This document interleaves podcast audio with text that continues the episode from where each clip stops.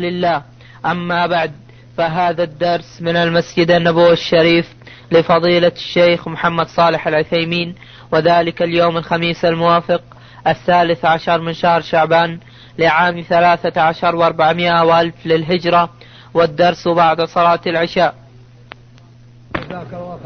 نعم الآن الآن نبدأ بالأسئلة. شوي ما اي طيب. هذا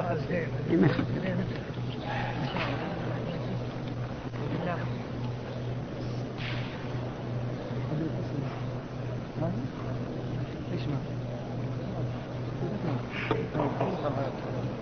الله الرحمن الرحيم يقول السائل فضيلة الشيخ هل هناك فرق بين العلم والفقه؟ وهل كل من حمل بعض العلم صار فقيها؟ الحمد لله رب العالمين. وصلى الله وسلم على نبينا محمد وعلى آله وصحبه أجمعين. نعم هناك فرق بين العلم والفقه والفهم. ثلاثة أشياء علم وفقه وفهم. أيها الأول العلم ثم الفهم ثم الفقه. كتاب أنزلناه إليك مبارك ليدبروا آيات هذا الفهم وليتذكر أولو الألباب هذا الفقه. فالفقه هو أن يعلم الإنسان مصادر الشريعة ومواردها وحكمها وأسرارها فيكون عنده ملكة قوية في العمل بالشريعة. وليس كل عالم فقيها ولا كل ذكي عاقلا فهذه أشياء يظن بعض العامة أن معناها واحد ولكنها مختلفة ولهذا يروى عن ابن مسعود رضي الله عنه أنه قال كيف بكم إذا كثر قراؤكم وقل فقهاؤكم كيف بكم إذا كثر, كثر القراء وقل الفقهاء فالفقيه غير العالم.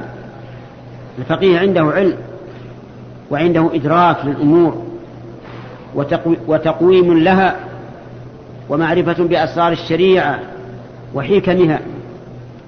ولهذا تجد تجد عالمين يسألان سؤالا واحدا. فيفتي أحدهما بفتوى هي مقتضى العلم لكن يفتي الآخر بفتوى هي مقتضى الفقه. هي مقتضى الفقه. لأنه ينظر لو لو أفتينا بهذه بهذه الفتوى بناء على ما عندنا من العلم لحصل على الناس ضرر. نضرب لكم مثلا. قال النبي صلى الله عليه وآله وسلم لعائشة رضي الله عنها لولا أن قومك حديث عهد بكفر لبنيت الكعبة على قواعد إبراهيم. لأن الرسول يعلم قواعد إبراهيم. ولكنه ترك ذلك خوفا من إيش؟ من الفتنة. خوفا من الفتنة أن يفتتن الناس عن دينهم إذا غير في الكعبة. هذا فقه. هذا من الفقه. الطلاق الثلاث في عهد النبي صلى الله عليه وآله وسلم وعهد أبي بكر وسنتين من خلافة عمر الثلاث واحدة. الثلاث واحدة من طلق ثلاث فقال لزوجته أنت طالق ثلاثا أو قال أنت طالق أنت طالق أنت طالق فهو ثلاث. فواحدة فكثر ذلك من الناس. كثر من الناس. فرأى عمر رضي الله عنه أن الناس تلاعبوا في هذا الأمر. والطلاق الثلاث بكلمة واحدة أو كلمات متعاقبات لا يجوز. فقال أرى الناس تتايعوا في أمر كانت لهم فيه أنات فلو أمضيناه عليهم فأمضاه عليهم وقال من طلق ثلاثا فقد رضي لنفسه بالبينونة فلا يرجع. هذا من الفقه. ولهذا ينبغي لطالب العلم أن يكون عنده من الفقه ما تستقيم به فتواه حتى لا يفتي الناس بأمر يكون عليه فيه ضرر. وعلى الناس أيضا. أما الفهم فإنه قد يكون الإنسان فاهما وليس عنده علم وقد يكون عالما وليس عنده فهم.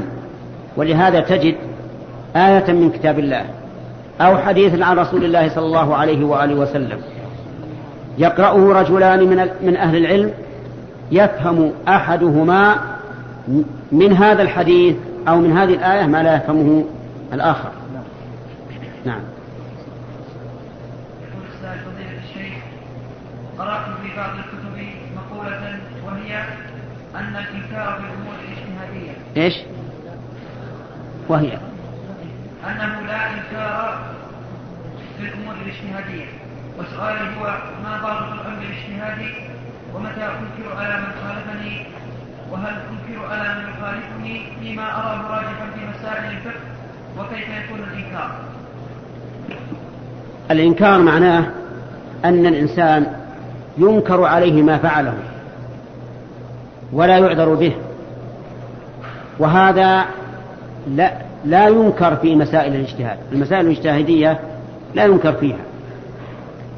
فلو أننا رأينا رجلا يأكل لحم إبل ولا يتوضأ بناء على اجتهاد أن لحم الإبل لا ينقض الوضوء فإننا لا ننكر عليه.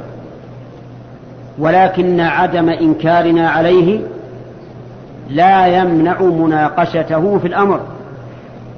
أن نقول له يا أخي تعال بيننا وبينك السنة هل ينتقض الوضوء بأكل لحم الإبل أو لا ينتقض؟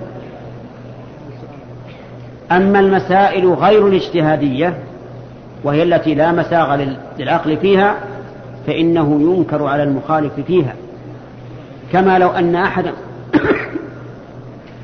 لو أن أحدا تكلم في أمور الغيب وأنكر شيئا من أمور الغيب التي أخبر الله بها ورسوله فإننا لا يمكن أن نقره على ذلك وذلك لأنه لا, لا, لا مجال للاجتهاد في الأمور الغيبية. نعم. يقول السائل فضيلة الشيخ الرجاء توضيح حكم الصور الفوتوغرافية والقول فيها لا داعي للإجابة على هذا السؤال. لأن العمل به غير ممكن عند كثير من الناس. وقد كتبنا عنه في كتبنا وأجبنا عنه إجابات متعددة فلا حاجة إلى تدوير الكلام فيه. نعم. يقول السائل فضيلة الشيخ هل يصح أن نقول عن النبي إن النبي صلى الله عليه وسلم مشرع وهذا نسمعه كثير مع أنه صلى الله عليه وسلم يقول إن أتبع إلا ما ينفع إلي ونحن كلنا مأمور مأمورون باتباع الوحي نعم. أهل العلم يطلقون على الرسول عليه الصلاة والسلام أنه مشرع ولهم في ذلك دليل.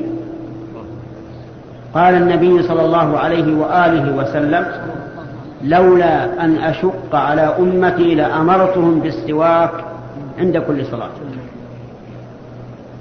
وهذا يدل على أنه يأمرهم يستقل بأمرهم. وخرج ذات ليلة متأخرا في صلاة العشاء وقال إنه لوقتها لولا أن أشق على أمتي. ولكن هل الرسول عليه الصلاة والسلام إذا أمر بشيء أو نهى عن شيء هل نقول إنه أمر أمر أو نهى عن الشيء عن الهوى أو عن أمر يرى أنه مصلحة؟ الثاني أو الأول؟ الثاني. فإذا أقره الله عليه إذا أقره الله عليه فهو شرع. فيكون شرع الله بالإقرار. ويكون ويكون الرسول عليه الصلاة والسلام قد شرعه لأمته فأقره الله عليه. ولهذا إذا اجتهد النبي عليه الصلاة والسلام اجتهادا تكون المصلحة في خلافه. فإن الله تعالى ينبهه على ذلك. قال الله عز وجل عفى الله عنك لم أذنت لهم حتى يتبين لك الذين صدقوا وتعلم الكاذبين. فدل هذا على أن ما قاله النبي عليه الصلاة والسلام أو فعله وسكت الله عنه فإنه مما رضيه الله عز وجل. والخلاصة أن النبي صلى الله عليه وآله وسلم يشرع لأمته ويوصف بأنه مشرع. نعم.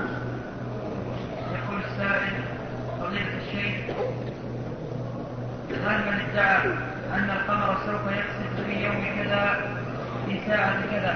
هل هذا من ادعاء علم الغيب؟ وما حكم من صدقه؟ نعم. إذا قال علماء الفلك إن القمر يكسف في الليلة الفلانية أو الشمس وحددوا ذلك بالدقيقة. فإن هذا ليس من علم الغيب بل هذا مما يدركه أهل الحساب. بحسابهم. ولهذا يحكمون عليه ابتداء وانتهاء وكيفية. فيقول الكسوف جزئي كلي في الساعة الفلانية في الدقيقة الفلانية في الليلة الفلانية في الشهر الفلاني.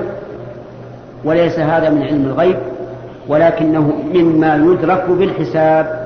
وقد صرح بذلك كثير من العلماء ومنهم شيخ الإسلام ابن تيمية رحمه الله. وأما قول قائل فهل نصدقهم؟ فنعم. نصدقهم إذا علم حذقهم وفهمهم في هذا الحساب. أما مجرد أن يقول أي قائل إن الكسوف سيقع في ليلة كذا أو الخسوف إن الكسوف سيقع في يوم كذا أو الخسوف في ليلة كذا فإننا لا نصدق. يقول الشيخ نحن مجموعة مجموعة من الرجال والنساء ذهبنا إلى وبعد إحرامنا من الميقات وصولنا إلى مكة طهرت هذه المرأة فهل تغتسل وتعتمر أم ماذا حكمها؟ هذه مسألة يكثر السؤال عنها ويخطئ فيها كثير من الناس. إذا مرت المرأة بالميقات وهي حائض وهي تريد العمرة فإن بعض الناس لا لا يدعها تحرم. لا يدعها تحرم. يتركها. ظنا منه أن إحرام الحائض لا يصح. وهذا الظن ظن غير صحيح. بل إذا وصلت الميقات وهي حائض تريد العمرة تحرم من الميقات. تغتسل تستثفر بثوب وتحرم. كما أمر النبي صلى الله عليه وسلم بذلك أسماء بنت عميس حين نفست في ذي الحليفة في عام حجة الوداع فأرسلت إلى رسول الله صلى الله عليه وآله وسلم كيف أصنع؟ قال اغتسلي واستثفري بثوب وأحرمي. فالحائض كذلك. ثم إذا طهرت اغتسلت غسل الحيض وأدت العمرة ولا يحتاج إلى إحرام جديد ولا إلى الخروج إلى الحل ولكن إذا وصلت إلى الميقات وهي حائض وتظن أنها لا تطهر قبل الرجوع إلى البلد. فنقول لهذه لا تحرمني لا تحرم فإذا دخلت مكة مع أهلها وقدر أن طهرت قبل أن يرجعوا إلى البلد وأرادت الإحرام عند طهرها فماذا تصنع؟ نقول تخرج إلى الحل إلى الحل التنعيم أو الجعرانة أو عرفة أو الحديبية. أي مكان من الحل المحرم المهم أن تخرج إلى الحل فتحرم منه. نعم. يقول السائل الشيخ ما رأيكم في بعض الذين إذا رأوا من يقدرونهم إما لعلمهم أو لدينهم أو لكبر سنهم أو غير ذلك حيث يقومون بتقبيل رؤوسهم دون مصافحتهم فهل فعل ذلك دون المصافحة فيه مخالفة بالسنة أم لا؟ نعم. هذا السؤال سؤال وجيه وكنت أريد أن أتكلم عليه. ظهرت ظاهرة الآن إذا لا, لا إذا لاقوا الرجل الذي يقدرونه على طول. يمسكوا رأسه. نعم؟ ولا ولا يصافحونه. يمسكوا رأسه وقبلوا.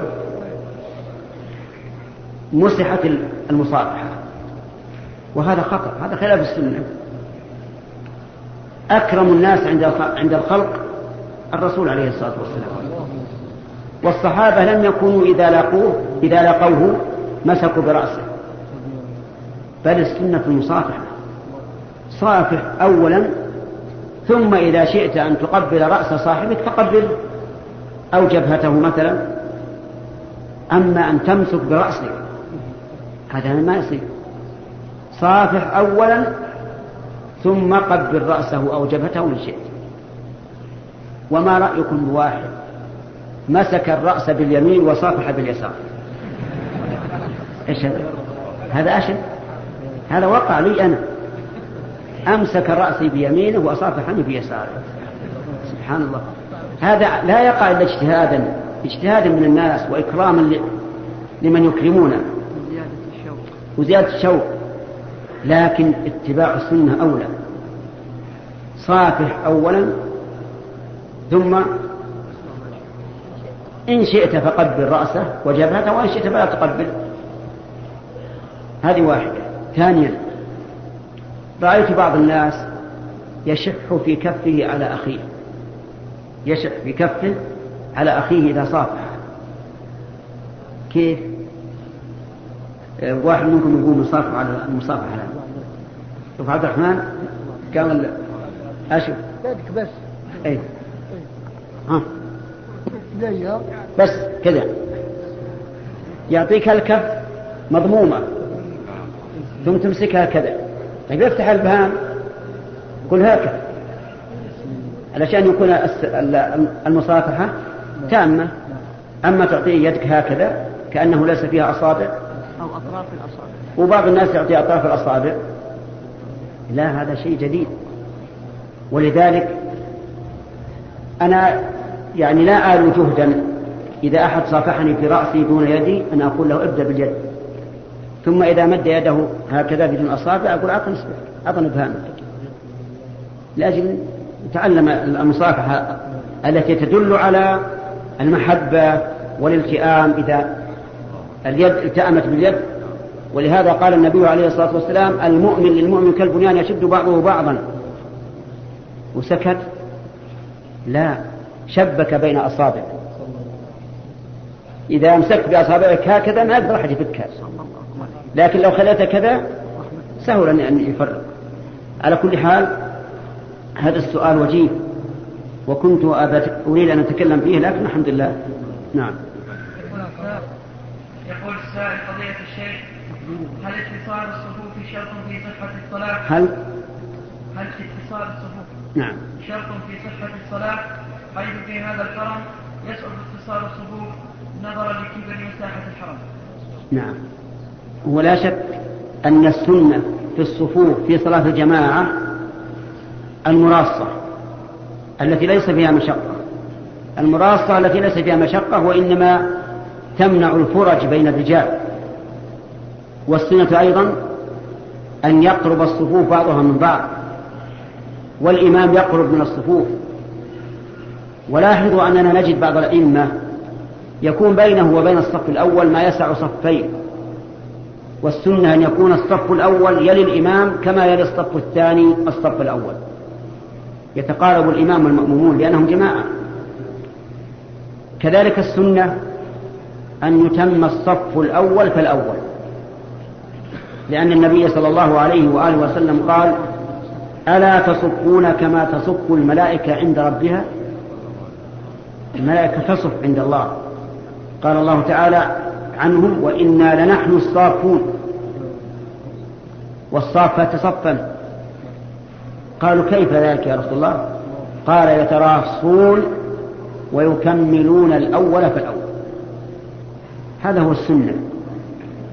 لكن نجد في المسجد الحرام وفي المسجد النبوي لا يهتم الناس بتكميل الأول في الأول ولا بتكميل الصفوف تجدهم أوزاعا وهذا خلاف السنة بلا شك فمن استطاع منكم أن يكمل الأول فالأول فهذا هو الأفضل وكذلك من استطاع منكم أن يسد الخلل إذا وقعت في الصفوف إذا وقع في الصفوف فهذا هو الأكمل والأفضل.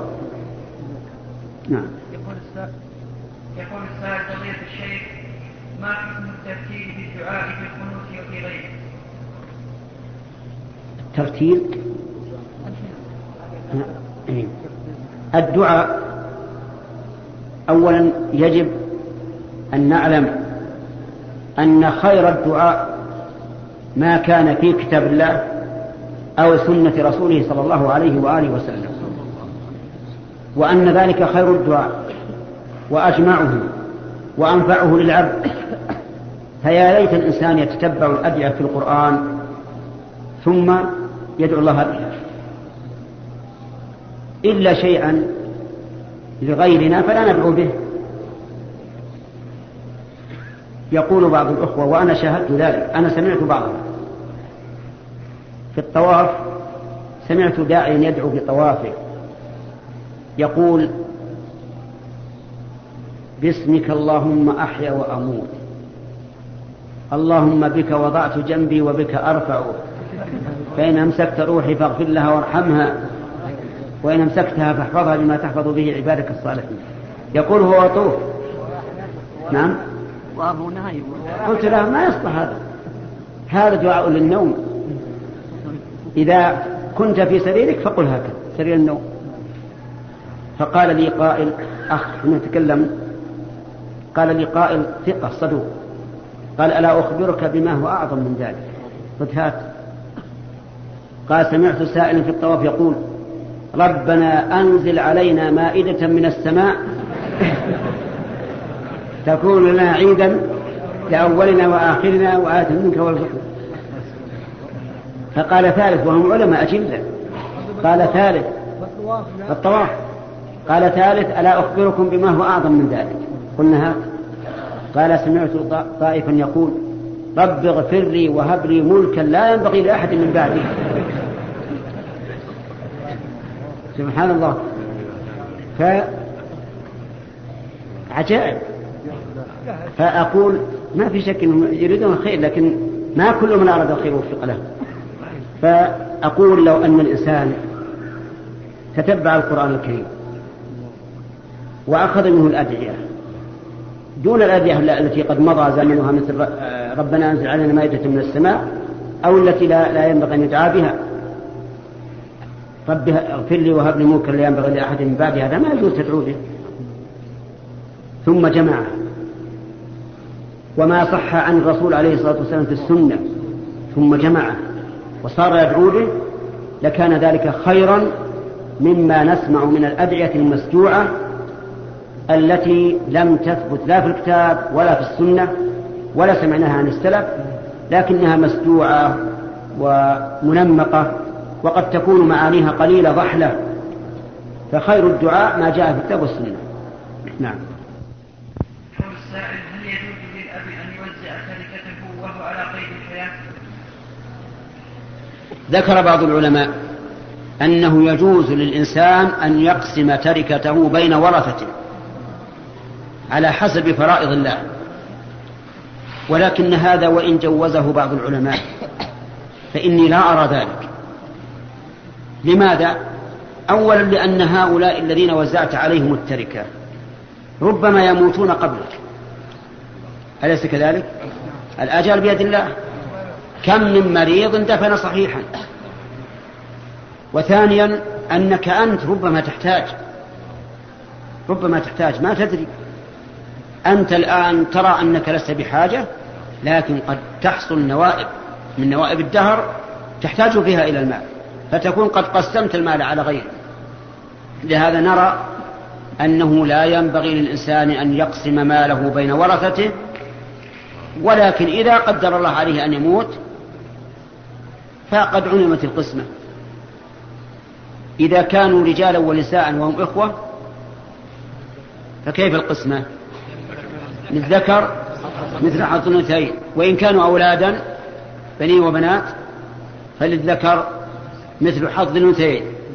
وإن كانوا إخوة من الأم فللذكر للذكر مثل الأنثى. للذكر مثل الأنثى لقوله تعالى وإن كان رجل يورث كلالة أو امرأة وله أخ أو أخت فلكل واحد منهما السدس فإن كانوا أكثر من ذلك فهم شركاء في الثلث يقول السائل من أراد الذهاب إلى إخوانه في البوسنة ورغب أهله أي زوجته ووافق أبويه إذا ذهب ما حكم ذلك؟ الذي أرى أن لا يذهب لأن حق الزوجة واجب ولأنه ربما إذا سافر عن زوجته وهي قد أبت ذلك ربما يحصل بينهما مشاقة فتكرهه أو ربما يحصل منها ما لا ينبغي إذا غاب عنها. والمحافظة على الأولاد والأهل ورعايتهم واجبة. قال النبي صلى الله عليه وسلم كلكم راع وكلكم مسؤول عن رعيته وحق إخواننا في البسنة والهرسك أن نسأل الله سبحانه وتعالى لهم العزة والنصر. نسأل الله أن يعزهم وينصرهم على عدوهم ونبشركم حسب ما بلغنا أنهم ولله الحمد اليوم يقاتلون مقاتلة مهاجم لا مدافع. وأن الله سلط الكروات على الصرب. فصار يقتل بعضهم بعضا. وهذا لا شك من دعاء المسلمين. فأنتم أكثروا من الدعاء لهم.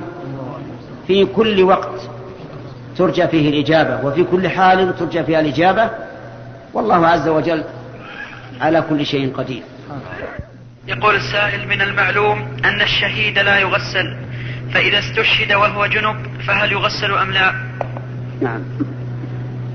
إذا استشهد الإنسان وهو جنب فقال بعض العلماء إنه يغسل. وقال بعضهم إنه لا يغسل والصحيح أنه لا يغسل. لأن الشهادة تكفر كل شيء. وغسل الجنوب إنما يكون إذا أراد الصلاة. والذي قد قتل ليس يريد الصلاة. قال الله تعالى يا أيها الذين آمنوا إذا قمتم إلى الصلاة فغسلوا وجوهكم وأيديكم إلى المرافق وامسحوا برؤوسكم وأرجلكم إلى الكعبين وإن كنتم جنبا فاطهروا. متى؟ إذا قمنا إلى الصلاة. والميت لا يقوم للصلاة.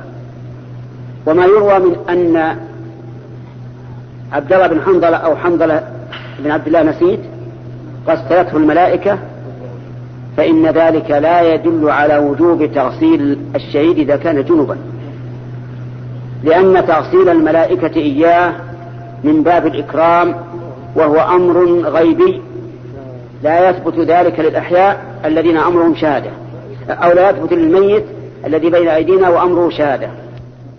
آخر سؤال. في هذا اللقاء وغدا الجمعة وإلقاء الدروس فيه يمنعكم عن التقدم إلى الجمعة. والتقدم إلى الجمعة من اغتسل في بيته وراح في الساعة الأولى فكأنما قرب. يا أبا عبد العزيز كم؟ بدنا. وفي الثانية؟ قرع وفي الثالثة؟ الثالثة في الثالثة كبش أقرن. نشوفك على وفي الرابعة دجاجة. وفي الخامسة نشوفك على خير.